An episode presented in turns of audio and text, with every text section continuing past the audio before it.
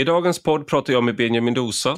Han är VD för Timbro och tidigare ordförande för Moderata ungdomsförbundet. Han är nu aktuell med boken Massintegration, enkelbiljett från utanförskapet. I den så tecknar han ett porträtt av eh, Sverige och den integrationsskuld som Sverige har på en mängd områden.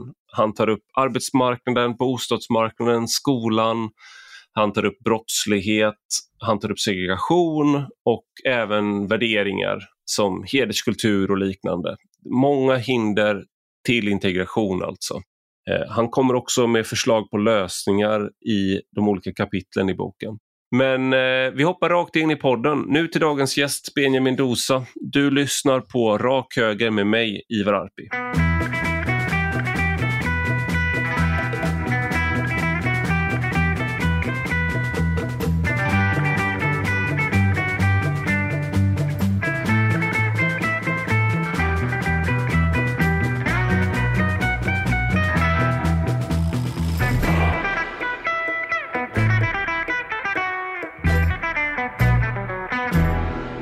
Välkommen Benjamin Dosa till Rak Höger.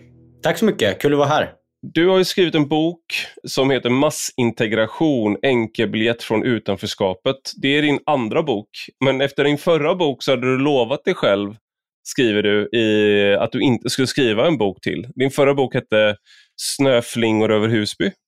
Snöflingorna faller över Husby, precis. Precis, och den kom 2018. Mm. Eh, och den hade väl ett liknande tema får man säga, att eh, den beskrev eh, integration, integrationsproblem, segregation, kriminalitet. Men eh, varför skriver du en till bok och varför tänkte du att du inte skulle skriva en bok till efter den förra?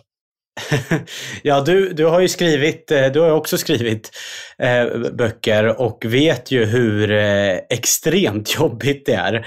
Jag menar, du är ju van skribent att skriva lite kortare texter, alltså 3 till kanske 6-7 tusen tecken. Och eh, det är man ju, jag menar, har man övat väldigt mycket på det så får man in rutin och man kan, man kan göra ganska snabbt. Men att hålla i tankar, idéer, spår så länge. Eh, och mm. att det ska vara intressant hela tiden. Att inte börja liksom ordbajsa fyra kapitel mitt i boken. Eh, det är väldigt svårt. Eh, och det tyckte jag, jag menar Snöflingorna faller Husby, det var ju en väldigt, väldigt tunn bok. Och den tyckte jag var extremt jobbig att skriva. Mm. Um, och sen skrev jag då den här och, och, som svar på frågan varför, varför jag gjorde det. Jag tyckte att, så här, jag tycker att det här är Sveriges enskilt största samhällsproblem. Alltså alla aspekter av kallar det liksom invandringsklustret av frågor. Invandring, integration, lag och ordning, eh, skola kopplat till de här områdena, bostadssegregationen också. Eh, och jag tyckte att det fanns bra texter, rapporter så i enskilda områden, men ingen som, eh, som tog ett helhetsgrepp. Eh, och så började jag, jag var inte helt säker på att det skulle bli en bok, utan jag tänkte så här, men det kanske kan bli, eh, Timbros nättidning heter Smedjan, att vi kanske kan bli något Smedjan-reportage eller något sånt. Och så åkte jag ut till, jag har, kommer ju själv från, från Husby och Kista, åkte själv ut dit och intervjuade flera personer och så växte det och så blev det som en snöboll. Och så till slut så fattade jag beslutet att så här, nej, men det här ska nog växa till lite till och bli en bok. Så ett och ett halvt år senare så, så sitter jag här i podden och är äntligen klar. ja, nej, men det man ska Liksom, jag, jag, tycker det är kul att prata om skrivprocessen och folk har väldigt olika skrivprocesser. Eh, även om det i efterhand så kan det vara svårt att se eh, hur någon har skrivit en bok. Alltså jag tänker en kollega till mig på ledarsidan, på SVDs ledarsida, eh, skrev sina texter, liksom började med början, så skrev så här, från början till slut en text och satt liksom och, och letade sig fram. Medan jag själv liksom tar olika, man har argumentationslinjer och sen så försöker man att sy ihop texten och se var passar det bäst in och sådär. Eh, och sen i slut, slutresultatet så ser man inte någon skillnad på texterna. Men som du säger, eh, det är svårt att skriva, eh, skriva böcker, men när jag tänker på Slavoj Zizek låter som att du har anammat hans sätt att, uh, den här marxistiska filosofen, han brukar nämligen säga att han skriver inga böcker. Han lurar alltid sig själv. Att det han skriver, nej, nej det här är ingen bok. Han bara skriver liksom olika tankar olika liksom saker, han, analyser och liknande. Och så bara till slut så säger han att ah, men nu är det en bok och så, och så får det vara så. För att om han tänker att han ska skriva en bok då blir det liksom ingenting skrivet för det är för stort för honom att tänka att han ska göra det. ja, lite så blev det faktiskt. Men jag tänker, det, det, som är i den här boken, jag skulle också bara vilja egentligen börja med eh, massintegration, för det är ju så att säga provokativ titel i, eh, för vissa kanske eh, via om, omväg, för massinvandring har ju varit ett sånt ord som har varit, eh, alltså har man använt det så har man tillhört SD eller SD-anstrukna falangen, har, man an, har det ansetts i alla fall. Och massintegration blir då på något sätt en, vad ska man säga, den, den positiva delen eller lösningen på massinvandringen. Är det så du har tänkt kring titeln eller hur, hur, hur gick resonemanget kring att välja just den titeln? Nej, men pre precis så som du var inne på, att eh, nu har Sverige senaste 20 åren haft exceptionellt hög invandring. Och med invandring menar jag då asyl och anhörigrelaterad invandring. Eh, och oavsett om man tycker att det är bra eller är dåligt så behöver vi nu få in hundratusentals människor som befinner sig utanför. Och med utanför menar jag då framförallt att man är bidragsberoende, att man bor segregerat, att man då är om man har barn så går de i dåliga skolor. Så att man är utanför samhällets gemenskaper. Så att, eh, om, om man vill ha en bok som bara handlar om migration, då kommer man nog bli besviken på den här boken, för att det är väl ett av de kortaste kapitlerna. Utan det här är väl, som du är inne på, och jag gjorde faktiskt lite jag hörde runt en del vad, vad, folk tyckte om titeln. För jag ville ju att man ändå skulle reagera. Vad är det här för någonting? Det här måste jag läsa. Hur står han politiskt? Mm. Och Då var det typ en tredjedel som tyckte det var en bra titel. En tredjedel som tyckte att den var för, vad ska man säga, SD, höger, reaktionärt, konservativt så. Mm. Och en tredjedel som tyckte att den var nästan för, vad ska man säga, centerpartistiskt naiv. Eh, och då tyckte jag, ja men alla verkar ju ha, eller två tredjedelar verkar ha en åsikt om, om, om titeln i alla fall. Så det är väl en bra början. Ja, precis. Man, man brukar väl säga att det ska inte lämna någon oberörd och det gör det ju inte i alla fall. Man tänker direkt hur fan ska det här gå till? Eh, tänker mm. jag när man, när man ser titeln. Liksom. Eh, men du är ju väldigt... Eh, en styrka med den här boken är ju att du har pratat med eh, du har, som, som du var inne på, du har varit ute och pratat med människor och en av dem är, som, ett, som jag tyckte var ett liksom talande exempel på hur olika förutsättningar kan vara. Nu glömmer jag av hans, eh, eh, hans namn här, jag har det inte framför mig, men det är en livsmedels, han äger en livsmedelsbutik och i, eh, är det i Husby han äger? Hus I, I Hjulsta, som Hjulsta. ligger bredvid Tensta. Just det.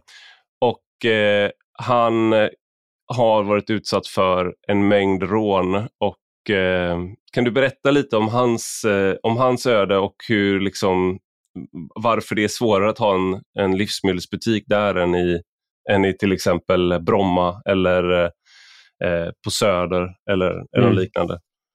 Nej, att skriva den här boken, det var verkligen som att eh, gå längs en väldigt mörk tunnel mm. med få springor av hopp. Eh, det här var alltså inte en av de här ljusglimtarna, utan en av de mörkaste delarna i tunneln. Eh, han du syftar på heter då Riyad Saitoun, kom från Syrien 2012. Eh, efter bara några månader i Sverige, då kunde han alltså knappt svenska, eh, så bestämde han sig för att köpa en liten tobaksbutik i Hjulsta på Hjulsta torg. Och han hade drivit en livsmedelsbutik i Syrien, så han visste liksom lite hur det fungerade. Och då är hans försäkringspremier på ungefär 400 kronor i månaden. Eh, och han gnetar på. Eh, det är ingen jättelön. Han tjänar väl ungefär 20 000 kronor i månaden brutto då. Men det funkar ändå bra. Och en så här riktigt, när jag intervjuar honom, man, man märker det här är en riktigt varm person som, som hela området, eller stora delar av området, verkligen tycker om och har en relation till. Efter några år så blir han utsatt för ett av de första då, rånen. Då är det ett gäng unga killar som kommer in med såna machete, alltså typ långa knivar eller svärd eh, rånar honom på det som finns av, av monetärt värde i en tobaksbutik. Och Det är då kontanter, det är tobak, det är telefonkort. Mm. Eh, efter den händelsen så dubbleras hans försäkringspremie. Så då betalar han ungefär 800-900 kronor i månaden. Ytterligare något år senare, då kommer det in ett gäng unga killar med pistol, rånar honom. Då har de dessutom fått reda på att det finns en, en, eh, ett kassavalv i personaldelen. Eh, så då kräver de att få gå in dit och han gör alltid som de här unga killarna säger. Så han låser upp det här. Men trots att han gör det så slår de ändå honom i ryggen så att han får ryggproblem. Eh, flera månader senare fortsätter de här ryggproblemen. Och varje gång då efter de här grova rånen så höjs då försäkringspremien ordentligt som han måste betala varje månad. Men det värsta har ännu inte hänt. Det hände ytterligare något år senare. Då kommer återigen ett gäng unga killar in som eh, rånar honom, återigen. När de har fått allting och står vid, vid dörren eller porten på väg ut så vänder sig en av killarna om och slänger in en molotovcocktail i butiken. När han då står bakom kassan. Så han, måste då kasta sig ut från personaldelen eh, och efter den händelsen så är det inget försäkringsbolag som vill, eh, som vill teckna hans eh, tobaksbutik. Mm. Och jag tror ju knappt mina öron. Och han tittar på mig och säger så här, ja jag vet vad du tänker nu. Du tror att jag kanske inte kan tillräckligt bra svenska eller att jag inte förstår hur man tecknar en försäkring. Det vet jag hur man gör. Exakt den här reaktionen som du har nu var det en poliskvinna som fick för någon månad sedan när hon var på besök här. Så hon erbjöd sig att ringa runt till If, Länsförsäkringar, Trygg-Hansa och de stora försäkringsbolagen. Och då började alla med att svara absolut, självklart ska vi hjälpa dig att teckna en försäkring åt den här tobakshandlaren som du håller på att hjälpa. Vad sa du att eh, postnumret var för något? Ja, var exakt ligger den här tobaksbutiken? Nej, tyvärr. Vi kan rekommendera att du vänder dig till ett, till ett annat försäkringsbolag. Mm. Eh, så att han står nu helt oförsäkrad, vill flytta, inte bara från, eh, från, från norra Stockholm, utan från Sverige. Eh, och säger att han ska flytta från Sverige så fort han får sin tobaksbutik såld. Men det är ingen som vill köpa hans tobaksbutik, vilket man kan förstå. Och det är inget försäkringsbolag som vill, som vill teckna hans tobaksbutik heller.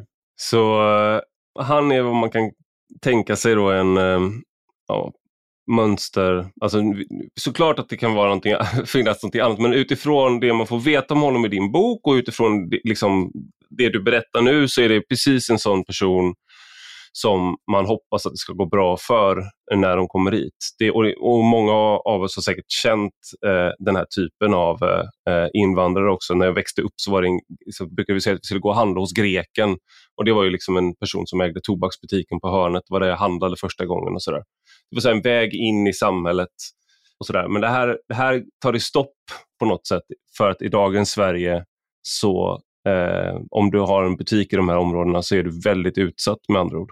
Men du, Verkligen. Du tar också upp en annan, ett annat exempel eh, och det är en kille som eh, köper sin eh, första bil och han bor i Gottsunda utanför Uppsala eh, där jag bor. Och Gottsunda är ett utsatt område. Jag vet inte, är det särskilt utsatt? Jag kommer inte ihåg om det är Uff, det kommer inte jag heller ihåg. Det är i alla fall, det är, där, det är ofta där, eller, och sen finns det, det finns ett par andra områden i Uppsala också, men det är, Gottsunda är ett av de mest eh, utsatta områdena i alla fall.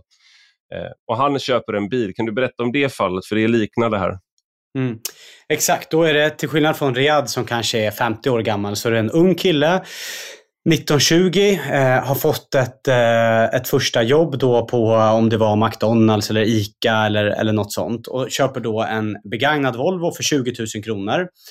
Eh, och eh, ska då teckna en försäkring på den här eh, Volvon. Och då ringer han Länsförsäkringar och jag har då intervjuat en person som vill vara anonym, som har jobbat på Länsförsäkringar.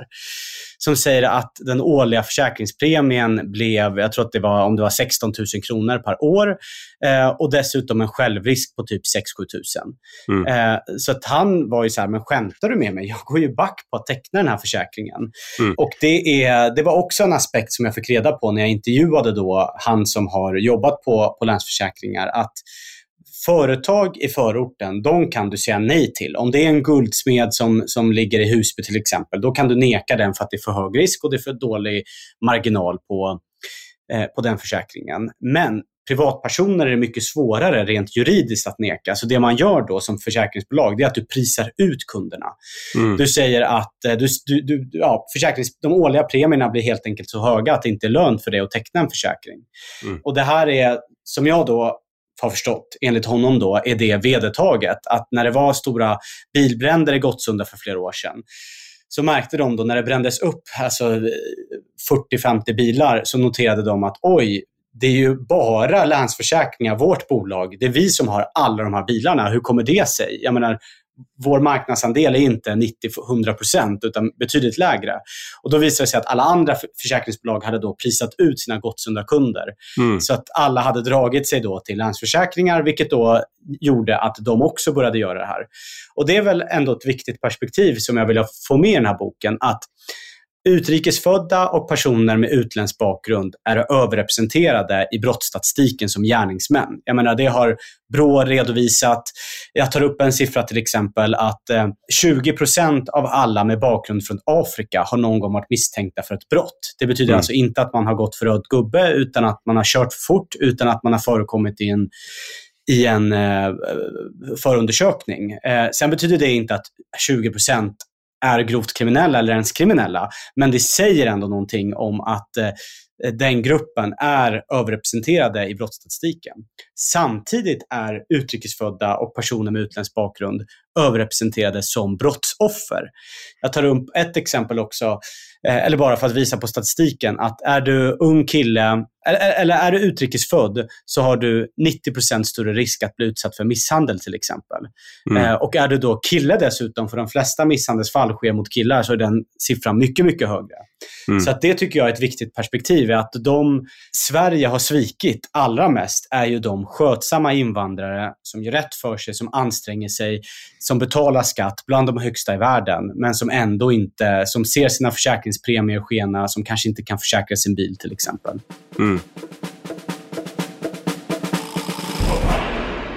Du beskrev det som att det var lite som att gå längs med en mörk tunnel eller genom en mörk tunnel att skriva den här boken. Och, och som läsare så känner man ju någonting liknande. Inte för att det är tråkigt eller dåligt skrivet eller sådär, eller att, det är, att man inte tror på det du säger. Där, men det är väldigt stora utmaningar som man säger på politikerspråk som du beskriver. Vi har väldigt många av de här områdena, de här utsatta områdena som befinner sig, där människor befinner sig i utanförskap. Och utanförskapet är också både att man är ar hög arbetslöshet, man inte ens är en del av eh, arbetskraften eh, i många fall. Språkkunskaperna är väldigt låga, men man möter heller inte människor från eh, majoritetssamhället på naturliga sätt egentligen. Eh, så att man lär sig inte språket särskilt bra i skolan, man lär sig inte hemma, föräldrarna lärde sig inte särskilt lätt. Man, eh, Eh, många gånger har man också värderingar från hemlandet som är svåra, som kanske inte riktigt rimmar med eh, majoritetssamhället. Så tänker jag på hederskultur är någonting du tar upp i boken, till exempel. Ehm, skolorna har ofta, är ofta väldigt stökiga, man lägger mycket pengar på de här skolorna men det är svårt att få ordning och reda, svårt att ge barnen där en bra utbildning helt enkelt. Och sen som, som, du tog upp nu också då med, som du nämnde, att eh, brottsutsattheten är mycket högre i de här områdena och dessutom att man, det finns mycket brottslighet som, även om man inte blir direkt utsatt, så kan det vara att man tvingas kompromissa med eh, eh organiserad brottslighet på, på torg och gator och liknande, att man får liksom huka sig och man vågar inte vittna. Man vet, det finns alternativa eller parallella maktstrukturer. För du har liksom i, i, slutet av varje kapitel så har du pedagogiskt liksom sammanfattat olika förslag. Men som en generell bild, hur hoppfull ska man vara inför att eh, vi kommer att eh, kunna integrera de här områdena och, vad, och vad, vad, skulle det ens innebära? Alltså allt annat lika eh, om vi fortsätter som vi gör nu, då tycker jag inte man ska vara särskilt hoppfull. Alltså det är väl också ett viktigt medskick som den här boken handlar om. Att, och där märkte jag en, en stor diskrepans mellan vad ska man säga, den politiska eliten. När jag träffar eh, ledarskribenter, journalister, politiker, där det finns någon slags utbredd känsla av att så här, okay, det är illa nu, men vi har åtminstone nått botten. Nu kan det inte bli värre. Mm. Och när man var ute på fältet och träffade poliser i yttre tjänst och eh, lärare och rektorer och socialtjänstmedarbetare eh, i, i utanförskapsområdet, då var ju känslan nästan tvärtom. Att så här, det kan bli mycket värre än så här. Mm. Eh, att, att det, det, det, här, det här behöver inte vara någon, någon slags, det är ingen naturlag att det här är en bottennivå. Och menar, det finns ju andra städer som har, ta USA till exempel, BNP per capita är högre än i Sverige, alltså genomsnittsamerikanen är rikare än genomsnittssvensken. Ändå finns det städer som är brutalt mycket mer brottsutsatta än svenska städer. Så att det är mm. ingen naturlag att bara för att vi är ett välmående rikt land så, så betyder det att, våra, att, att det här är någon slags bottennivå. Så att nej, jag skulle säga att det här, eh, det, jag menar, det, det, det finns inga, just nu finns inte så stora skäl att vara särskilt optimistisk. Och de här utmaningarna, problemen, eh, är exceptionellt stora och dessutom självförstärkande. Som jag skriver om i, i stadsbyggnad och bostadskapitlet, så eh, jag menar, det som är ett känt amerikanskt fenomen, alltså white flight, är ett, eh, det man ser i många utsatta områden i Sverige idag, är ju att integrerade invandrargrupper, alltså svenskfödda och svenskar har redan flyttat därifrån. Det som händer nu är att integrerade turkar, bosnier, iranier, eh, eritreaner också börjar flytta därifrån. Mm. Vilket gör att det är väldigt hög omsättning på personer i sådana här områden som nästan mer och mer brukar börjar bli liksom transitområden nästan. Eh, och så fort du får ett jobb, du har en fru eller man som kanske också får ett jobb, eh, då flyttar ni därifrån. Eh, så det, de här olika me mekanismerna förstärker också varandra. Det, eh, vissa saker, det har alltid varit som du är inne på nu, det har alltid varit så att eh, man kanske kommer till ett område men man flyttar därifrån när man får det bättre. Och, och så har det varit för många invandrargrupper som kommer till Sverige. Men någonting man har sett är också att det biter sig fast att folk inte har det är svårare att ta sig vidare också.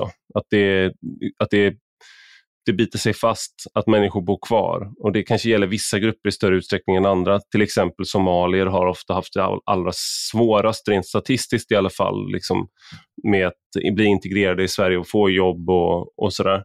Och att det har varit svårare för dem att ta sig vidare. Så det blir det biter sig fast i generationer på ett sätt som kanske liknar mer det vi är vana vid från USA till exempel, som är det exemplet som flest känner till, där man har det man kallar för getton som eh, i bemärkelsen att det är liksom afroamerikaner bor där i generationer i områden som är socialt, ekonomiskt eh, nedgångna eh, och utsatta. Eh, och det är någonting liknande som vi börjar få. Så, det är så typiskt att i, i Danmark så säger man ju getto. Men där så är det inte riktigt lika mycket getto. Men i Sverige säger vi inte getto för det, det har liksom en eh, så dålig klang på svenska tycker vi. Här säger vi utsatt område. Vilket är talande för många saker mellan skillnaden mellan Danmark och Sverige. Nu, du läste jag att i Danmark så ska de riva områden i, utanför Odense, Volsmose, som är ett, det är ett getto, då, ett särskilt, jag kommer inte ihåg vad de kallar det när det är riktigt illa, men det är motsvarigheten till särskilt utsatt område. Och jag har varit jag har bott i Odense och jag har cyklat runt i Volsmose. Jag har jobbat i Volsmose, alltså när jag jobbade där. Och det, det var liksom ett problemområde, helt klart. Men det var inte på nivå med hur det är i Sverige. Men de är ändå beredda att riva eh, områden där. Och Det är någonting som du är inne på också som en lösning, men det där är vi också... I Sverige har vi väntat så länge att det jag undrar är, kommer man kunna... Det, det man gör i Danmark, där har man haft sådana insatser till exempel att man har man river områden, eh, man har börjat med det, men man har också satt, satt gränser för skolor för hur många med utländsk bakgrund som kan gå i en skola. Men i Sverige är det väldigt så många människor det handlar om. Att är det där en fungerande väg? Du tar ju upp ett exempel när man eh, la ner Vivalla skolan tror jag det var. Men vad var resultatet där?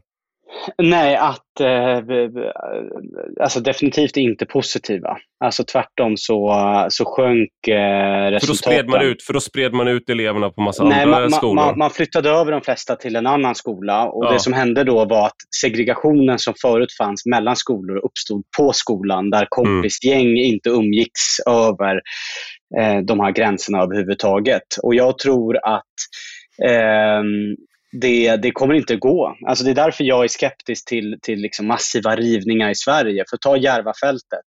Det bor liksom 60-70 000 människor där. Eh, det, är inga, det, det, går inte, det är för många. Det man skulle kunna göra, det finns ett eh, utsatt område i Helsingborg som heter Drottninghög. Där man har rivit enskilda fastigheter och eh, byggt byggt nytt och också byggt ny, alltså man har ändrat strukturen på området. Man har tryckt in mm. fler eh, radhus, bostadsrätter eh, och det tror jag skulle kunna funka på fler områden. Men för första Drottninghög, det är blivit avsevärt färre som bor där än som bor i Göteborgs och Stockholms förorter. Och ska man göra det så tror jag snarare i mindre skala för att bryta ska man säga, strukturen på ett område. Men jag tror inte att det kommer gå, eller ens är önskvärt, att jämna liksom, Rinkeby med marken. Men mm. kan man förtäta med nya bostadsrätter, eh, det tror jag skulle kunna vara en idé. Sen är det också så här att det är nästan en att, att bara liksom rusta upp och inte göra något av det andra.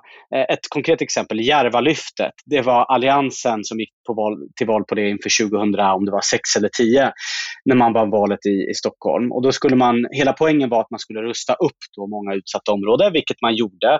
Vad blev konsekvensen? Jo, att hyrorna höjdes. Eh, och, och, Det här är liksom en, en, en, lite oväntad twist på det här.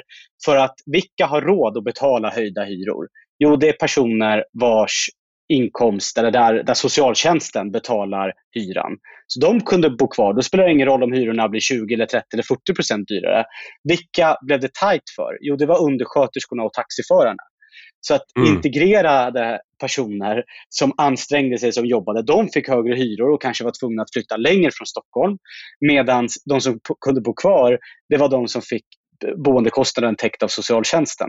Så att när politiker ska gå in och liksom med massiva såna här styrmedel och insatser, så om man inte gör det genomtänkt så kan det bli ännu värre. Jag tänker, det, där, det där är någonting du är inne på i boken ganska mycket också, är hur den här skillnaden mellan bidrag och arbete för många eh, som ska försöka ta sig in på arbetsmarknaden i Sverige, att den är så liten. Eh, att det, det är liksom, om en i om en börjar jobba, alltså man, man, man, vinner, om båda jobbar, du vinner liksom ett par tusen i princip. Eh, och eh, för att ofta, ofta är de jobben du får är låginkomstjobb, de första jobben. Och, och det där, hur, hur, kommer man åt det där? För att å, å, ena sidan så, så är det ju så är det såklart att man vill att människor inte ska, alltså vi vill inte bygga kåkstäder, för det är en tanke man skulle kunna ha eller en lösning så att säga, som inte är en lösning, men det är ju att, som det är i vissa andra länder, att människor har väldigt mycket lägre ekonomisk standard med, med bidrag, alltså mycket lägre. Eh, och då blir det inte så fina områden, för att det är väl en sån där sak som är slående när man åker ut i utsatta områden, det är att många av dem är väldigt fina, fina lekplatser, ny, alltså det är rent liksom infrastrukturmässigt kan det vara ganska fint. Inte alltid, men, men, men att man, det här är någonting man ändå, det syns att man satsar pengar på den yttre miljön många gånger. Men om du åker till Moldavien eller liknande så finns det kåkstäder. Eh, eller liksom, och, och, och där, det är väl det här som är problem då, för att å ena sidan vill vi inte ha det, å andra sidan så vill vi att människor ska arbeta. Du har en del lösningar, hur kommer man åt det här? Men för, först och främst så eh, är nog bidragsnivåerna för höga som det ser ut idag. Vi gjorde en mätning på Timbro här för några veckor sedan där vi undersökte eh, svenska folket. Hur höga tror de att en, en eh, tvåbarnsfamilj, hur mycket pengar kan de få i, i socialbidrag, eller försörjningsstöd eller ekonomiskt bistånd som det då formellt heter. Och det visar sig att 94 procent av alla väljare underskattar bidragsnivåerna. Eh, och sen så överskattar man marginaleffekten av att en av föräldrarna går att börja jobba. Så att folk tror helt enkelt att bidragen är mycket lägre än vad de egentligen är. Så att om du är en, en tvåbarnsfamilj med två stycken tonårsbarn och två föräldrar, eh, då kan du få 25 500 kronor. Och det är ganska lågt räknat. Då har jag räknat med riksnormen som är samma i hela Sverige och en boendekostnad för en fyra femma på ungefär 10 000 kronor i månaden. Sen kan man som kommun lägga till i princip vad man vill. I till exempel Stockholms kommun, då får alla personer, oavsett om man formellt behöver eller inte, får man ett SL-kort, alltså ett kollektivtrafikskort. Och vad är priset för det för vuxna? Det kanske är 940 eller 960 kronor i månaden. Mm. Två vuxna, det blir nästan 2000 kronor bara där. Och alla de här bidrag, bidragen är ju skattefria, för du skattar ju inte på bidrag. Ehm, så det gör ju att ska du få 26-27 000 kronor netto, då måste du dra in ganska mycket stålar varje månad. Eh, mm. så delvis tror jag att här, man behöver se, se över. Eh, steg ett kan ju vara att de kommunerna som nu lägger till massa saker, och man ska komma ihåg, det är alltid av goda intentioner. Det är aldrig, oavsett om det är en S eller M-politiker som går ut och säger så här, men vi vill att invandrarfamiljer ska vara bidragsberoende hela livet. Utan det är alltid så här, i Stockholm har man ju retoriken att eh, du ska söka jobb, du ska kunna söka jobb i hela länet. Det är väl fantastiskt om du bor i Skärholmen, om du kan åka till Östermalm och söka jobb där. Problemet är att det inte är biståndsbedömt. Du behöver inte visa att du faktiskt åker dit. Och du behöver heller inte du får inte ett SL-kort, utan du får kontanter utbetalt på kontot. Mm. Så det är när goda intentioner slår fel. Um, så delvis kan man göra det. Delvis kan man göra det som jag tycker så här, det borde vara lagstadgat att alla kommuner måste göra. Det är att ställa krav på motprestation. Alltså säga så här, men det är klart, person X här. Det är klart att du ska få mat på bordet och tak över huvudet och kläder för dig och dina barn. Självklart. Vi, vi har liksom inte, som du var inne på, vi har inte kåkstäder i Sverige. Men ska du få det, då måste du lära dig svenska åtta timmar per dag. Eller du måste gå en praktikplats åtta timmar per dag. Eller söka jobb åtta timmar per dag. Om mm. du då säger, nej men det har jag ingen lust att göra. Då kan man lagligen idag kan man dra bort hela eller delar av det bidraget. Men det är alldeles för få kommuner som gör det och det är väldigt stor variation på, på hur tuff eh, bidragspolitik man bedriver. Det finns en kommun som är eh, ja, Hanif Balifs eh, förra hemkommun som han ofta tog upp som skrytexempel och det är ju Solna.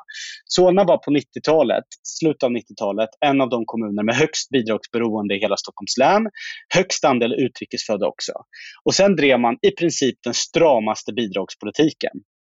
Det vill säga, man gjorde hembesök hos folk som såg till att de inte fuskade, att de hade skenäktenskap eller att de egentligen hade någon häftig bil som de hade betalat svart på sidan om. Alltså de åkte dit och, och undersökte det.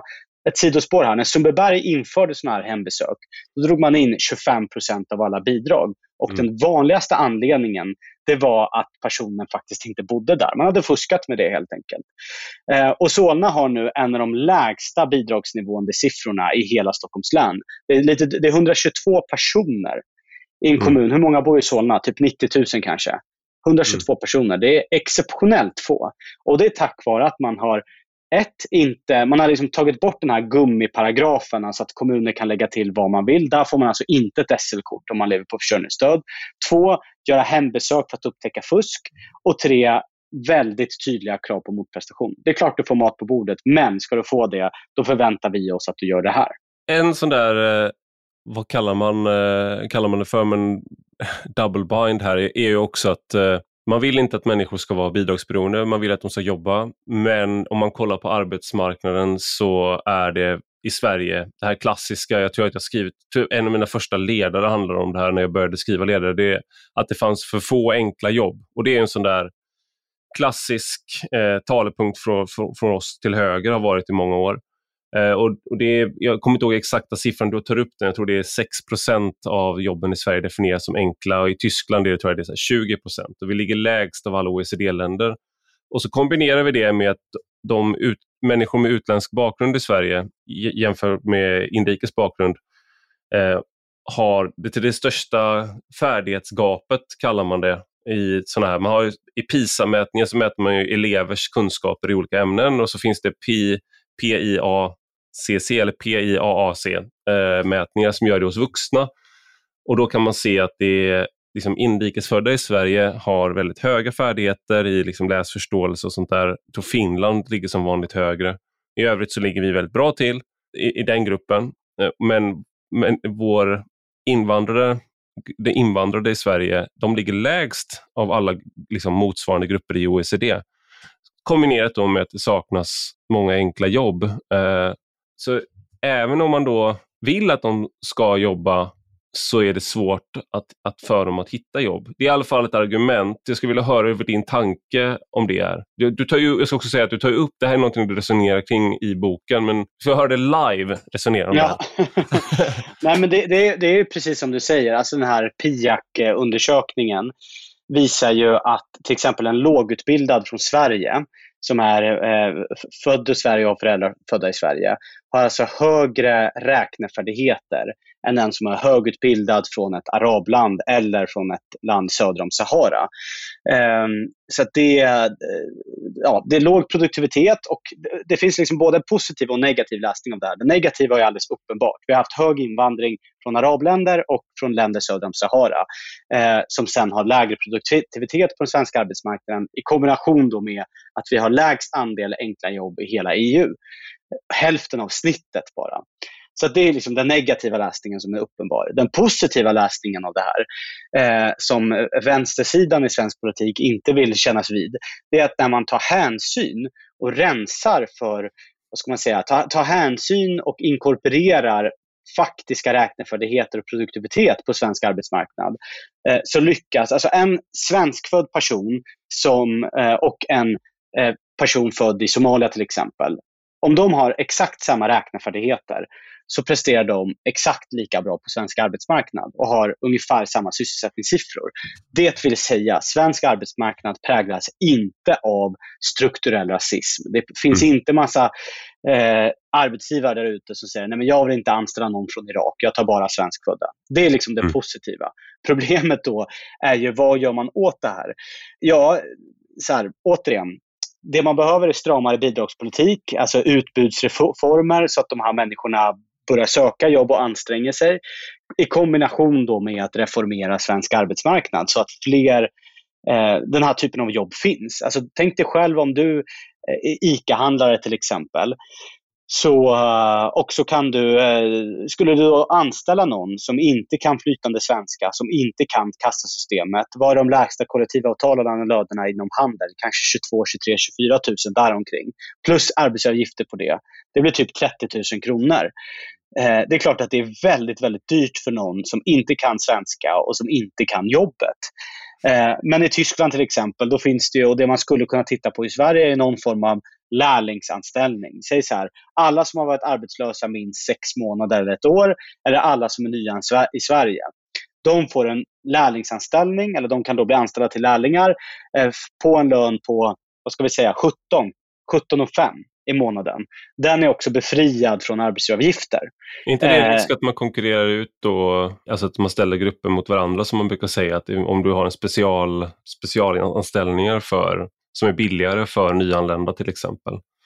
Alltså det man har sett, IFAU och andra institut både i och utanför Sverige har ju gjort eh, forskning på det här. Och det man kan se är att när det är subventionerade anställningar, det vill säga att staten, vilket det finns massa av idag, alltså nystartsjobb och så, då finns det en tydlig undanträngningseffekt. Om jag mm. har två personer, då, då anställer jag hellre den som skattebetalarna finansierar. Det man kan se med lägre ingångslöner är att det skapar nya jobb. Alltså en ICA-handlare som tidigare bara skulle anställa en anställer nu tre för att det är värt att liksom chansa. Och funkar inte, då kan man göra sig av med den personen eh, och efter några år, så kan den, när den lär sig kassasystemet och lär sig svenska, så kan den få högre lön och tjäna lika mycket som den som kan det. Så det, mm. det kan man se en tydlig effekt då, att det faktiskt skapar nya jobb. Jag tänker en sak som jag undrar lite över i boken och någonting som jag tidigare var eh, väldigt positiv till, det var ju, och nu är det migration vi pratar om, det var ju arbetskraftsinvandring. Eh, och det är någonting som generellt sett är positivt för ett, för ett land, skulle jag säga. Eh, att människor vill komma och arbeta och det är så klassisk marknadsekonomisk logik, att det finns vissa saker som eh, behöver utföras som inte, eh, som inte finns som utbud på den lokala arbetsmarknaden och så hittar man andra människor som kan göra det och så kommer de och arbetar. Det är en win-win kan man, kan man tycka. Eh, det är inte alltid de, de stannar kvar och kan åka hem sen till exempel om det är tidsbegränsat. Eh, ett exempel på det är ju människor som arbetar på universitet till exempel, att man har en ingår i forskningsprojekt över, över tioårsperiod eller femårsperiod och liknande. Eh, men i Sverige sen vi, eh, sen vi eh, liberaliserade de här reglerna så har det bara varit upp till så att säga företag själva. Facken har inte haft någon möjlighet att avgöra. Tidigare hade de ett slags veto över vem, om det fanns arbetskraftsbrist fick det var också upp till facken att vara med och avgöra, men det tog man bort. Och det kan man ju tycka är positivt för att fack har ju såklart som enligt så här, ekonomi 101 har ett intresse av att begränsa utbudet så att man har en bättre förhandlingsposition. Och företag har ett intresse av att eh, ha tillgång till så många som möjligt för att hitta den bästa arbetskraften. Eh, så att det blir bättre matchning så att säga. Men ett problem vi har haft i Sverige är ju också att man fuskar med de här sakerna. Att man erbjuder, man låtsas att man erbjuder en viss typ av eh, anställning, ett visst kontrakt. Det ser jättebra ut på pappret. Folk reser hit, eller människor reser hit eh, och då river man det man har erbjudit och säger att det, det, är det här du kommer jobba för och man, ibland har man tagit passet. Alltså man, man hamnar i ett skuggsamhälle i Sverige. Och man har en väldigt svag position för att så fort anställningen upphör så ska man åka hem i princip. Det här är någonting som jag vet att Johanna Karlsson, journalist på Sydsvenskan, tror jag det, eller på Kvällsposten kanske det är förresten. Eh, hon har beskrivit hur många restauranger i Malmö, eller flera restauranger i Malmö har satt det här i system och att människor jobbar i köket till slavlöner och bor i köket också. Liksom, medans, och så har man billiga restauranger vilket är underbart och god mat och sådär. Eh, men det här är någonting som du, eh, jag säger inte att du argumenterar för det här, men det är inte här inte någonting som du är på särskilt hårt i boken utan du menar att vi ska eh, skydda arbetskraftsinvandringen och jag har snarare då ändrat position successivt för att vi har haft så mycket fusk med de här sakerna och det verkar som att kontroll, kontrollsystemen blir aldrig, verkar inte bli så bra som de behöver vara för att få det här att fungera. Eh, på en teoretisk nivå så är jag fortfarande för, eh, men på en praktisk nivå så som det har sett ut så lutar jag åt att vi behöver strama till det här ganska rejält. Men du kommer till en annan slutsats. Kan du resonera lite kring, kring det där? Nej, alltså egentligen inte. Eh, Nej. Utan Nej. jag tror, så här, jag är på principiell nivå eh, är jag precis som du för arbetskraftsinvandring. Eh, jag menar om, om du är ett IT-bolag, ska du kunna rekrytera IT-ingenjörer från Indien, Kanada, Japan? Absolut, självklart tycker jag. Eh, är det uppenbart att sedan den här lagstiftningen togs fram, att saker har hänt i systemet som eh, man inte riktigt räknade med när det togs fram? Ja, det har också hänt. Borde man göra någonting åt det? Definitivt. Alltså, mer kontrollinstanser, höja, jag menar, vad, vad, den lägsta lönen man kan få väl, har väl varit 11 000 tror jag och nu har den höjts i någon nivå. Eh, kan det vara så att den borde höjas till kanske 18, 20, säg 22 000, kanske 4 000. Liksom. Ja, kanske. Mm. Eh, sen tycker jag ju i och för sig att, typ, jag kritiserar ju i boken Moderaterna och Kristdemokraterna för att de kanske blir, liksom, har blivit lite övertända i det här. Där, eh, nu har man i och för sig backat delvis från förslaget, men att man sa 34 000 kronor, att det är en rimlig lägstanivå för att eh, kunna ta hit en, en anställd. Och vad betyder det då i praktiken? Jo, det betyder, och då tänker en del så här, ja men en, en super eftertraktad typ programmerare kommer väl ändå upp på en lön över det, så det är väl helt fine. Jo, men det finns ju många andra jobb som det också är brist på, som inte har löner nödvändigtvis, speciellt inte om man är yngre som är på den här nivån.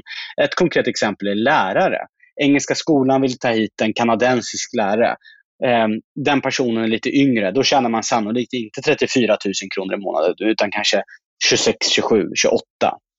Eh, så att, eh, som, ja, så att jag, jag, tror i grund och botten tycker vi nog ganska lika. Principiellt för arbetskraftsinvandring. Är det så att det har fuskats och att eh, man inte har vårdat den här reformen tillräckligt stor utsträckning? Absolut. Borde man göra någonting åt det? Ja. Borde, betyder det att man borde gå upp till liksom 34 000 eller införa den här som jag också har hört en del eh, lyfta, inte minst från vänstersidan, att man borde återinföra fackets rätt att få, få veto för, för enskilda beslut. Och precis som du säger, dynamiken då att även bristyrken kommer såklart facket säga nej till. För att eh, de vill inte ta hit en enda person för att det skulle ju bara vara negativt för deras medlemmar i så fall. Mm. Särskilt på kort sikt. Så att, eh, ja, jag, jag tror... Precis, men det, det, där, det här är ju en sån där, där det känns som att verkligheten har blivit en annan än vad man såg framför sig, eh, som på så många områden i, i det här. Jag tänker vi ska, nu har vi bara pratat om, eh, eh, du har ett positivt exempel i boken, eh, för vi har bara pratat om negativa nästan. Eh, och det är det här skolan som polisen rekommenderade att man Storvretskolan som polisen rekommenderade att man skulle lägga ner. Men eh, två eh, pensionerade rektorer eh, bestämde sig för att eh, försöka göra, förbättra det. Kan du beskriva det fallet lite grann? Verkligen, i den här mörka tunneln. Det här är verkligen en ljusglimt som skiner upp. Eh, Susanne och Lillemor hette, heter rektorerna. Eh, de var först på en, en skola i, eh, på Ekerö med helt andra problem, men då bestämde sig kommunens utbildningschef och, och, och laget runt omkring där för att säga, nej, men nu ska vi gå all in lågaffektivt bemötande, Bo Hellskovs metoder, flummeriet. Så. De skulle mm. åka på konferenser i Oslo och sånt där. Och, och eh, hans, det här lågaffektiva metoden, det var ju väldigt mycket om den för några år sedan, men det är till exempel då att om en elev eh, kastar runt stolar i ett klassrum, då ska hela den övriga klassen gå ut så att den här eleven ska kunna få leva ut sin eh, aggression och, och sen bli lugn. Eh, och Man ska aldrig lyfta ut en elev Eh, utan du ska, du ska själv gå därifrån så att säga. Exakt. Så de köpte inte riktigt det konceptet. Så att Lillemor blev då blev utköpt och Susanne också. Eh, så att det är inte så att de frivilligt eh, var pensionerade utan de tvingades bort från skolan på Ekerö. Och då sitter Susanne hemma och hon är inte så gammal ändå så hon hade inte gått i pension. Eh, hon sitter och kollar på Nyhetsmorgon i TV4. Och då kommer det ut att för första gången, det här nu är vi kanske fem år bak i tiden, fyra år. För första gången någonsin så tar Skolinspektionen över en skola i Botkyrka då, Storhetsskolan. Susanne ringer då Lillemor och säger det här är alltså Sveriges sämsta skola. Den är max dålig. Vi måste ta över den här. Vi måste få vår revansch och visa att våra kunskapsorienterade metoder faktiskt funkar. Eh, så att Lillemor mejlar då både Skolinspektionen och eh, Botkyrka kommun och eh, med villkoret då, de träffar kommunerna och varandra och villkoret blir då att Susanne får följa med som biträdande rektor. Så de tar då över den här skolan och precis som du säger, i en promemoria som de får ta del av från polisen så säger de att det var det var liksom många våldsbrott på skolan varje dag. Polisen vill lägga ner skolan. 30-40 eh, tror jag det var någon siffra. Ja, som, exakt. Det var ja. totalt kaos. Mm. Efter lunch på fredagar varje vecka var man tvungen att, att stänga ner skolan och liksom fösa ut eleverna för att det var sånt kaos. Det var nästan våldsamt upplopp. så. Och Det här är en skola, det här är en grundskola, så att det är ganska unga personer det handlar om. Mm. När de då någon månad senare kommer in, får nycklarna till skolan och får komma in första dagen, så pågår i princip inga lektioner. Det bara springer ut och in killar på, i korridorerna, klassrummet, det skriks, det slängs saker, det slängs saker på elever, det slängs saker på lärare. Alltså det är totalt kaos. Eh, när de, Susanne och Lillemor ska ha ett möte på rektors, rektorsexpeditionen så går de in där, stänger dörren men kan inte genomföra mötet för att det är så hög ljudvolym utanför i korridoren. Alltså det är det totala kaoset de möts av. Och de lyckas vända skolan skapa ordning och reda, få igång undervisningen på två veckor bara. Mm. Och hur lyckades de med det? Jo, de tog fram en, eh, en massa, massa ordningsregler. Jag brukar skämta om att det här är Folkpartiets drömskola nummer ett. Mm. De tog fram massa ordningsregler. Det var liksom inga kepsar, ingen mobiltelefon. Du fick inte skrika, du fick inte kittla andra, du fick liksom inte slåss. De som säger till de här elevassistenterna, de som tidigare var på Storhetsskolan, då fostrade Bo Hellskov, alltså den här inte bryta in i bråk och stök. Nu ska ni bryta in i bråk och stök, säg nej. Um, och sen bröt man mot de här ordningsreglerna. Då fick man träffa rektorn efter skoltid. Så du kunde inte, som en del försökte, så här, eh, kasta något på någon kompis för att man tyckte engelska lektionen var tråkig för att smita därifrån. Utan det var efter skoltid. Och sen ställde de alla elevassistenter vid utgångarna. Så var du tvungen att träffa rektorn och inte fick en stämpel eller liksom fick OK därifrån, då fick du inte lämna skolan. Så att vad händer då första dagarna? Jo, då är det, liksom, det är 40, 50, 60 pers som står i kö utanför rektorsexpeditionen. Då beskriver de, berättar de för mig, en av de kaxigaste killarna som kommer in då på rektorsrummet och säger så här, Nej, men jag skiter i det här, jag tänker inte liksom genomföra det här mötet. Jo, men nu ska vi prata om varför du valde att bryta mot de här reglerna. Så att vi sätter oss ner här. Nej, men jag tänker inte sätta mig. Nej, men om du inte sätter dig ner, då kan vi inte påbörja ett möte. Ett möte på vuxen stil, det har man sittandes båda två. Och han säger så här, nej men jag, jag struntar i det här. Nej, men då får du tyvärr lämna rummet. Så lämnar det här rummet, är på väg mot utgången. Elevassistenten säger, kan jag få se att du har varit och träffat rektorn? Det kunde han inte visa. Så han joggar då tillbaka till eh, rektorsrummet Eh, och liksom sliter upp dörren och säger så här, nej men okej, okay, sorry, jag sätter mig ner, nu kör vi mötet så jag kan komma härifrån. Nej men nu har jag en annan elev som sitter här och tar mötet, så att du får gå ut och ställa dig sist i kön. Tittar han på kön, bara, men det är ju typ 40 pers som står i kö. Det här kommer ju ta flera timmar innan det är min tur. Exakt, det skulle du tänkt på innan du ett valde att bryta mot reglerna och två innan du valde att rusa ut härifrån. Mm. Eh, så det var liksom väldigt, väldigt tufft eh, så att det inte blev värt för dem. I kombination då med, det här lyckades de vända på två veckor. Efter de här två veckorna, då belönade de ju också de eleverna som skötte sig. Alltså saker som är helt naturliga och vanliga på andra skolor. Typ eh, så här, friluftsdagar. Det fanns inte på Storvretskolan för att det var sånt kaos. Det började man ha. Niondeklassarna hade inte haft en bal på flera år. Det började man med. Eh, man inrättade stipendier, 300-poängsklubben. Alla som nådde upp i 300 poäng i meritvärde, eh, de fick ett stipendium på 300 kronor. Så det var liksom verkligen tuff kärlek. Man var stentuff mot ordningsstörare, låste klassrummet när det skulle börja ifall man var sen, men också ett, en stor portion kärlek för att belöna de här eleverna. Och tittar man nu, nu, de var kvar i lite drygt två år. De har alltså högre meritvärde än, än eh, betydligt högre meritvärde. De ligger bättre än Botkyrka-snittet när det kommer till eh, ordning och reda. Mm. Så att det här är permanent förändring på Storvretskolan. Men framförallt, det som var glädjande är att de behövde liksom inte 20 år för att vända den här. De behövde två veckor, men det krävdes två riktigt tuffa rektorer som inte köpte den här flum-idén om vad som funkar i skolan.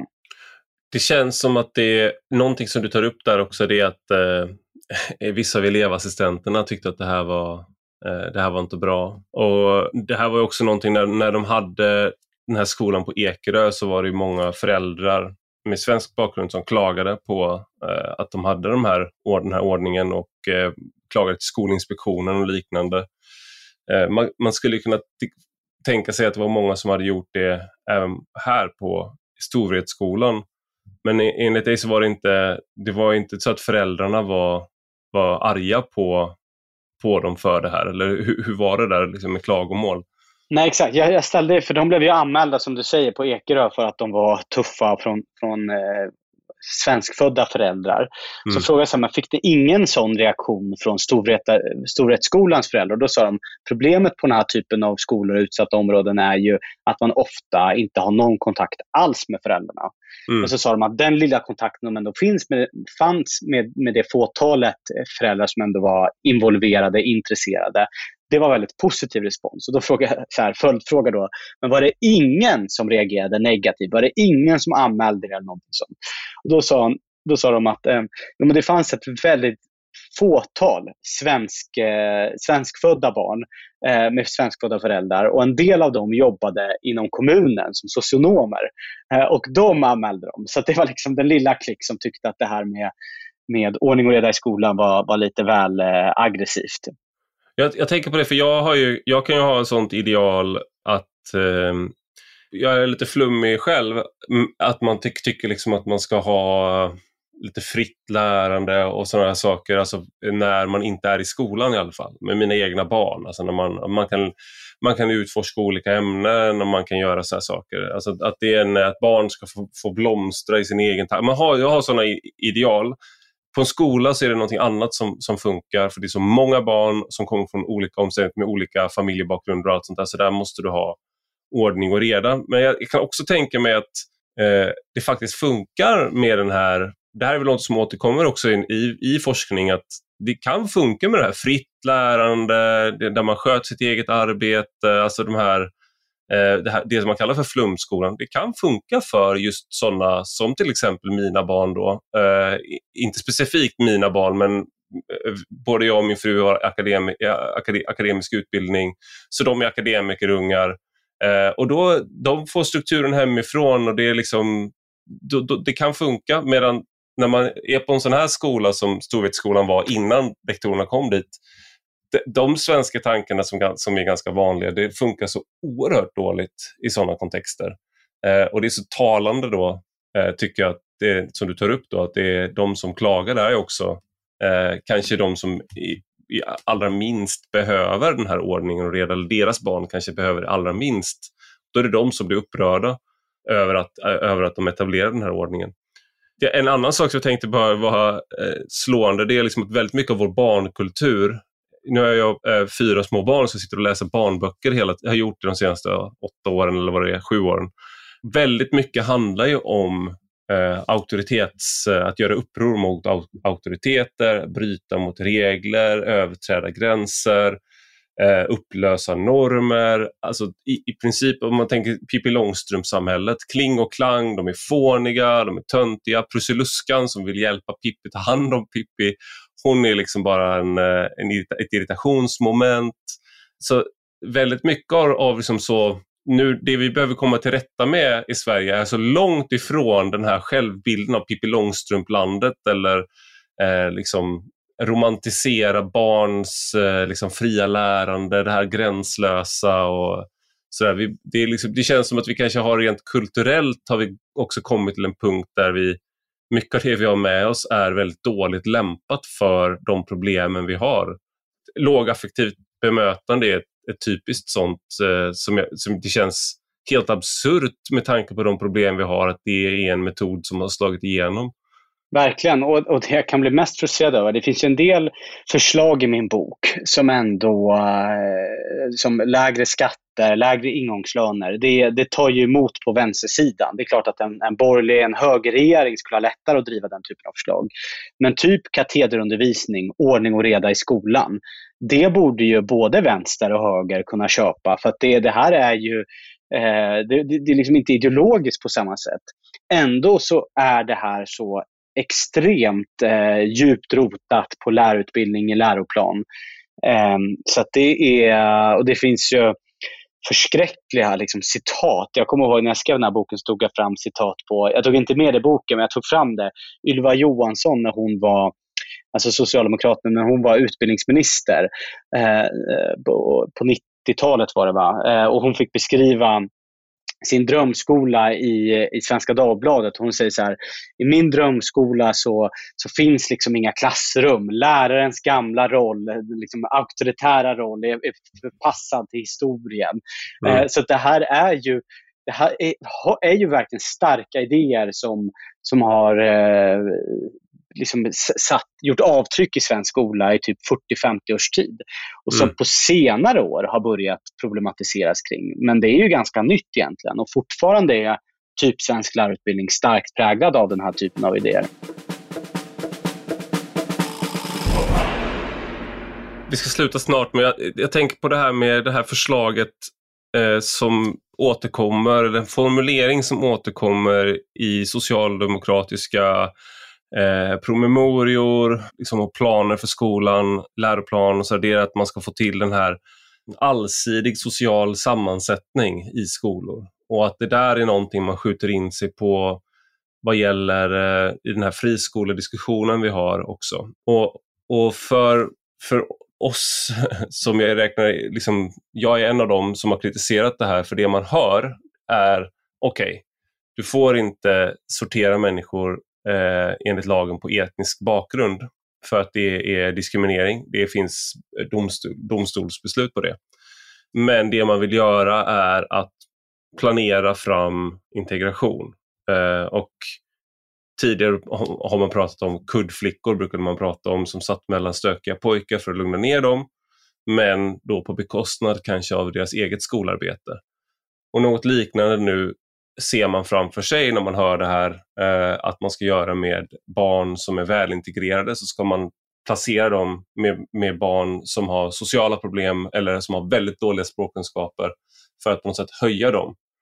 Um, från vänstersidan säger man att det här är liksom ett hjärnspöke för högern. Det pågår väldigt mycket sådana diskussioner på eh, skoltwitter också, att de som pratar om, om det här som ett problem vet inte vad de pratar om.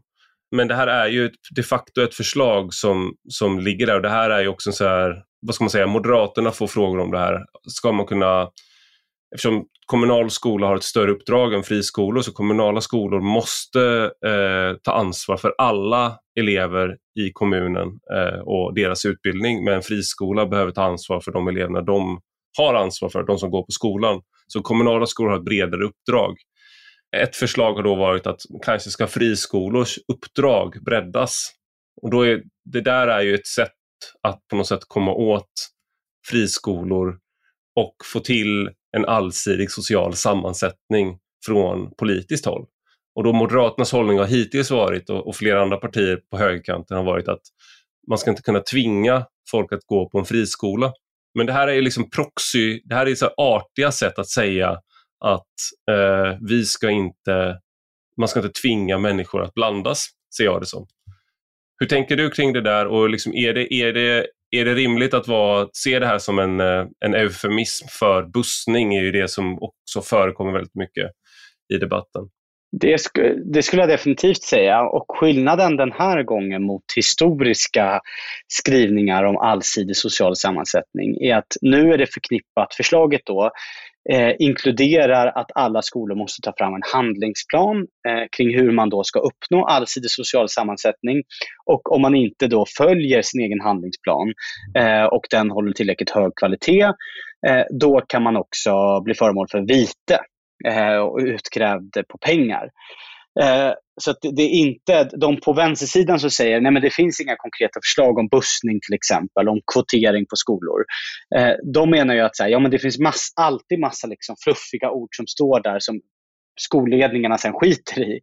Eh, men nu är det så konkret med krav på handlingsplan och att man kan få vita att det här, mm, skolor kommer tvingas att trixa och förändra sina upptagningsområden mm. för att uppnå det här om förslaget går igenom.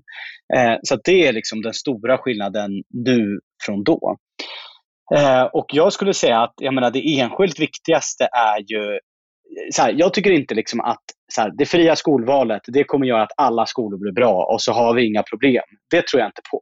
Men jag tror heller inte på att man ska liksom socialt, som någon slags sociala ingenjörer, liksom bussa och planera och försöka planera fram goda resultat. Utan det som behöver hända är ju att um, som delvis är massa förslag. Jag menar, jag har ju skrivit massa om hur man ska liksom hantera skolfrågan i, i stort. Men det är ju en, det, enskilt viktigaste är ju en ny kunskapssyn, speciellt i, i traditionella förortsskolor. Alltså fokus på katederundervisning, fokus på ordning och reda. Om det tar fem minuter att få igång en eh, 45 minuters lektion, eh, eller 40 minuters lektion, då, då minskar då tappar man i genomsnitt då ett helt skolår. Och tänk Ibland då på tar det väl eh, till och med kvart. Eh, liksom. Alltså, Exakt. Alltså, det tar ännu längre tid. På helt... Storvedsskolan, ja. det kunde vara 15-20 minuter. Ja. Och det är klart att då missar du 3, 4, 5 år kanske. Eh, jag menar det, och jag förstår inte, hur kan inte hela skoldebatten bara handla om det. Här mm. har vi tiotusentals unga som, som missar flera år i grundskolan bara med anledning av dem, att de råkar födas i flera områden. Hur kan det inte vara den stora rättvise och frihetsfrågan i Sverige? Oavsett om man är höger eller vänster. Mm. Eh, så det, mm, nej, skolfrågan är jag verkligen frustrerad över. att Då, liksom, då håller vi på att debattera icke-frågor, tycker jag. Mm. Jag ska ta som sista fråga här då, eh, för det är någonting som du pratade om när du var MUF-ordförande bland annat det var att vi, de vinstuttag i aktiebolag. Tycker du att det där, och det där är någonting som jag inte sett dig prata om så mycket på senare tid. Är det där någonting som, i boken här så blir det liksom som, tar du upp det som att det där är en, det är en sideshow till de stora problemen i skolan som är det du är inne på nu och det som Susanne och Lillemor på Storvretskolan, det är liksom det är den stora frågan. Hur får vi de befintliga skolorna, oavsett om det är friskolor och kommunala skolor, att bli bra skolor? Det kan jag hålla med om. Men är det inte ändå ett problem att vi har, eh, som jag ser det då med eh, ersättningssystemen där då den kommunala skolan har ett mycket bredare uppdrag och att de får, det här är argumentet som kommer från bland annat tankesmedjan Balans eh, i den här frågan att när så som ersättningssystemet är uppbyggt nu så eh, om en friskola etablerar sig så försvinner inte hela kostnaden utan kommunala skolor står kvar med ett svårare elevunderlag många gånger och man har kvar hyror, man har kvar mycket kostnader. Eh, är det inte ett problem med, med de här ersättningssystemen då, som du var inne på för några år sedan? Alltså, jag har ju haft eh, samma åsikt i, vad ska vi kalla det, friskolefrågan i typ tio års tid. Mm. Eh, senast i DN, nu vet jag inte exakt när den här podden kommer ut, men för, för någon dag sedan Eh, så har vi precis släppt en rapport där vi då har tio konkreta reformförslag på hur vi ska liksom förbättra på ska vi kalla det skolmarknaden, även om det är ett vänsterord att använda ordet skolmarknad. Men, men bara för att liksom, ja, du ska hänga med. Men eh, vad, vad, tycker jag? Jo, det är klart att om kommunala skolor har ett större uppdrag, det vill säga om menar, Östersunds kommun. Eh, om det flyttar in då personer, antingen som nyanlända i Sverige eller att man flyttar från andra städer till Östersunds kommun, då måste de kommunala skolorna ta in de här eleverna och det måste inte friskole, eh, friskolorna göra. Är det då rimligt att eh, de kommunala skolorna kompenseras på något sätt för det här? Självklart, det tror jag liksom alla tycker. Och hela poängen med friskolepengen eller skolpengen, det är att den ska vara lika för lika uppdrag. Problemet nu som man använder på vänstersidan, det är att man säger att så här, man hittar på, man sätter upp fingret i luften och så här, vad är de här skolpliktskostnaderna som de kallas? Och men de är, vi säger att de är 12 procent. Jaha, var har ni fått det ifrån? Är det liksom, det har det, det tänker vi så här, det finns beräkningar på det. Vad då för beräkningar? Äh, men det är väl liksom på ungefär vad de ligger på. Och de ordentliga granskningar som har gjorts, eh, vilket det inte har gjorts jättemycket av, eh, visar ju på att de inte är på 12 procent utan betydligt mindre. Men att de kan skilja sig ganska stort mellan olika kommuner också. Eh, men jag tycker då, de här då extra kostnaderna, ta det direkt från kommunbudgeten. Inkludera inte det i skolpengen överhuvudtaget. Och, och om då en familj flyttar över, ja, men om det då uppstår en extra kostnad, du måste ta in du måste hyra in ett extra klassrum för att det var så många eller någonting sånt. Ja, men ta det på kommunbudgeten. Blanda inte in det i skolpengen överhuvudtaget. Och om det sen är 2% i en kommun eller 12% i en annan kommun, men då får det vara olika i olika kommuner. Men problemet är om man skulle osthyvla finansieringen 12% på alla friskolor, hela Sverige, oavsett om de är bra, oavsett om de är dåliga, oavsett om de fuskar, oavsett om de inte fuskar, så skulle det innebära att många skulle behöva lägga ner. Och jag har inget problem. Snittvinsten en friskola gör är typ på 3% Jag har inga problem med att bra friskolor som inte fuskar, som bedriver högkvalitativ undervisning, får, får göra vinst på 3 Jag menar, det är enorma investeringar Eh, personer måste göra för att liksom, eh, bygga skollokaler kanske, eller köpa in en fastighet, anställa massa lärare. Stor risk. Och det är det vad snittvinsten är. Men det jag har visat och påtalat flera gånger är att vi vet att det finns friskolor som fuskar med timplan till exempel. Eh, vi vet att det finns friskolor som på olika sätt liksom utnyttjar systemet. Eh, och Det behöver man korrigera och där finns det helt absurda saker i skolsystemet idag. Till exempel Skolinspektionen. Nästan alla, alltså vi snackar över typ 99 procent, av alla inspektioner är på förhand. Och då pratar vi om flera veckor på förhand, annonserade. Tänk om du bedriver en friskola och så är jag Skolinspektionen och säger så här, ja men om sex veckor här den 4 augusti, då kommer vi och tittar till din skola. Så det, det, är klart att då skulle du på olika sätt eh, windowdressa och visa på att du har eh, så bra kvalitet som möjligt, trots att du kanske inte har det. Och där finns, jag tror att där kan man lära extremt mycket av eh, brittiska skolinspektionen Ofsted. Eh, bland annat så är många fler av inspektionerna helt oannonserade, speciellt om du håller låg kvalitet. Om du håller hög kvalitet och det är objektiva mått som visar det, alltså inte någon betygsinflation, utan de mäter det som kallas för förädlingsvärde, hur mycket tillför skolan i faktiska kunskaper till exempel. Mm. Eh, då granskar de inte dig lika ofta, men håller du låg kvalitet då granskar de dig oftare och fler oannonserade besök. Dessutom, det som kanske skulle göra störst skillnad i Sverige vad gäller valfriheten eller friskolesystemet, det är det Ofsted gör med att de betygsätter alla skolor på kvalitet. Så att du som förälder eller du som barn och ungdom, du kan gå in på deras hemsida och bara se vilket betyg håller den här skolan, vilken kvalitet.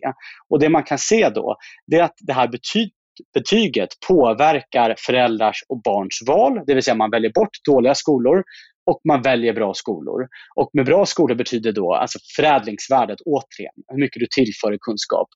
Eh, och det har ungefär, det är det här som är intressanta, det har ungefär lika stor effekt oavsett om föräldrarna har hög och stark socioekonomisk ställning eller om de har en svag och inte är välutbildade, inte har hög inkomst till exempel.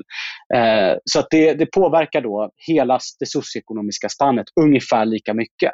Vilket är, menar, högutbildade föräldrar idag på den svenska skolmarknaden, de har ju mycket bättre koll, kan ringa andra föräldrar, vet, man kanske har något syskon som går på en bra skola.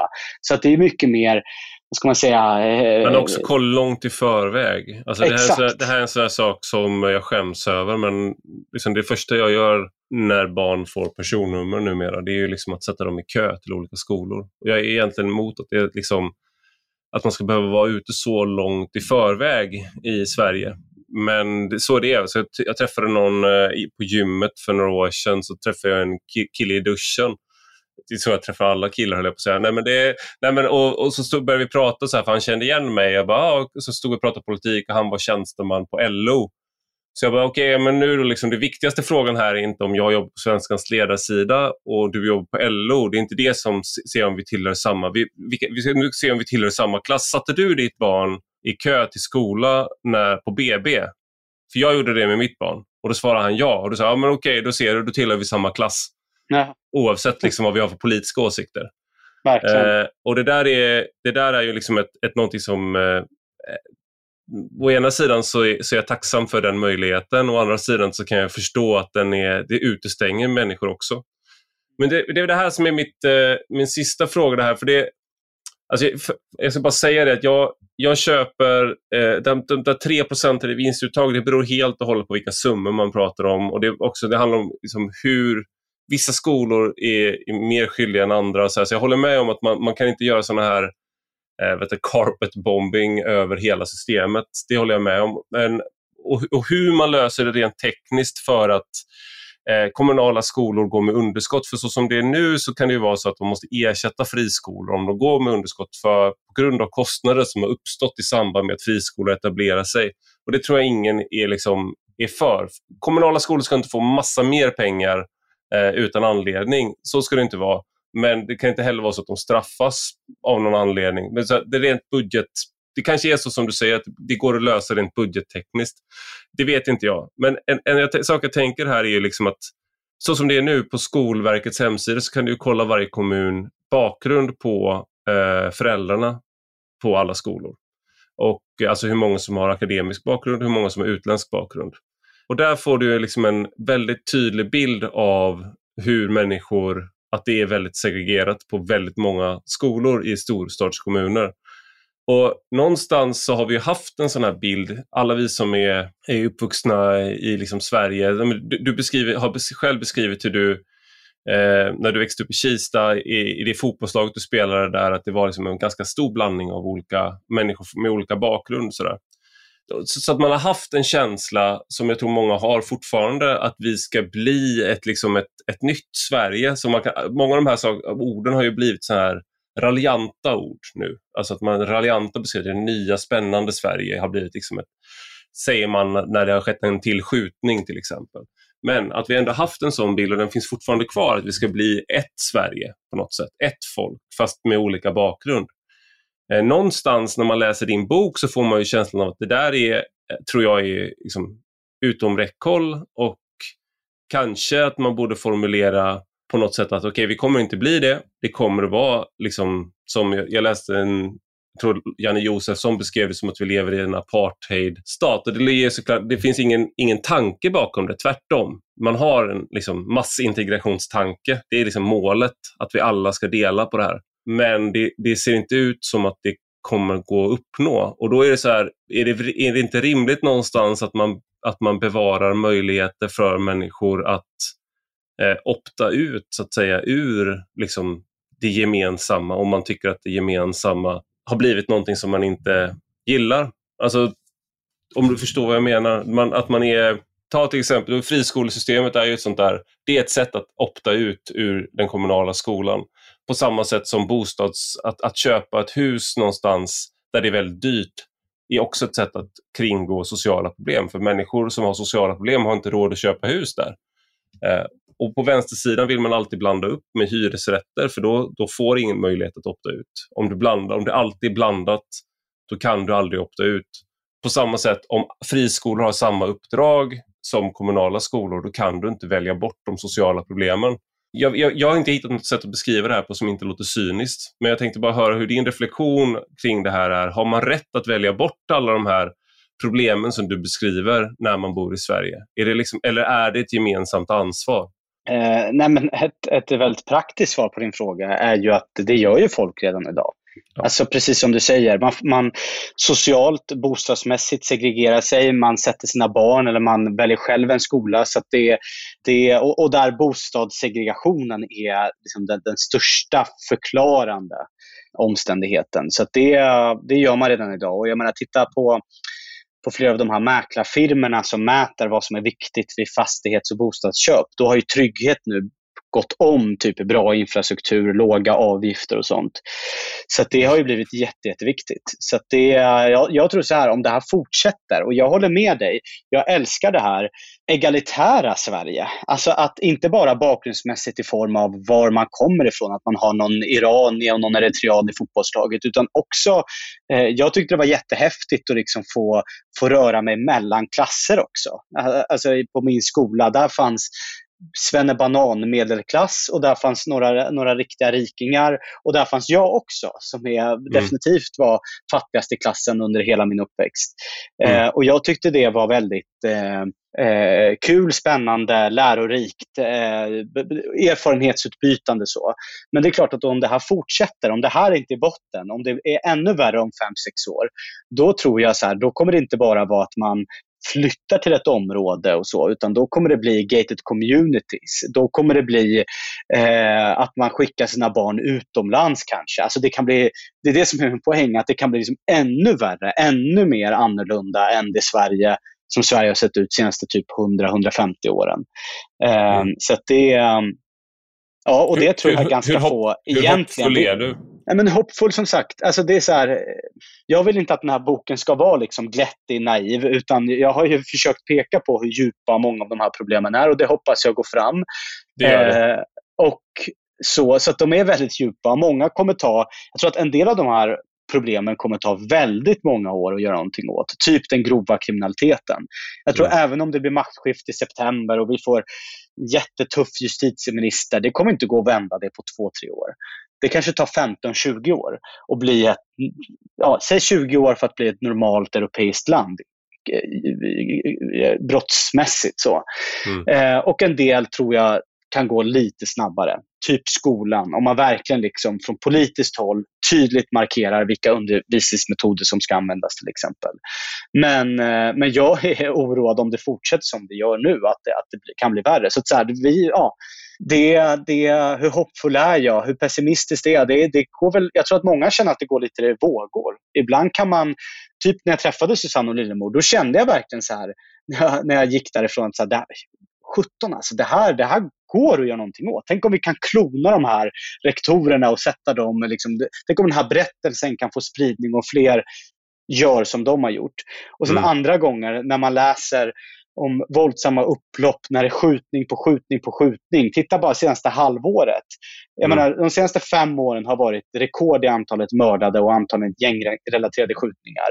Och bara i år ser vi ut att öka med 20-30 procent från redan rekordnivåer som i sin tur är outliers i en europeisk kontext. Så det är klart att det kan, det kan också bli mycket, mycket, mycket värre. Så vi, får här, hoppas att, eh, vi får hoppas att Lillemor och Susanne blir statsminister och vice statsminister ja, nu i september. Stort tack Benjamin Dose för att du var med i Rak Höger. Tack själv. Och stort tack till dig som har lyssnat. Gå gärna in och skriv en recension på Apple Podcasts eller i den app där du lyssnar på podden. Och detta är alltså en del av en större publikation på Substack med samma namn som podden. Och den som prenumererar där kan även ta del av de texter jag skriver. Gillar man det man läser och hör får man gärna bli betalande prenumerant för 5 euro i månaden eller 50 om året. Då får man ta del av lite exklusivt extra material också. Du hittar rubbet på ivararpi.se. Och har du några frågor eller synpunkter kan du alltid mejla mig på ivararpi Vi hörs igen.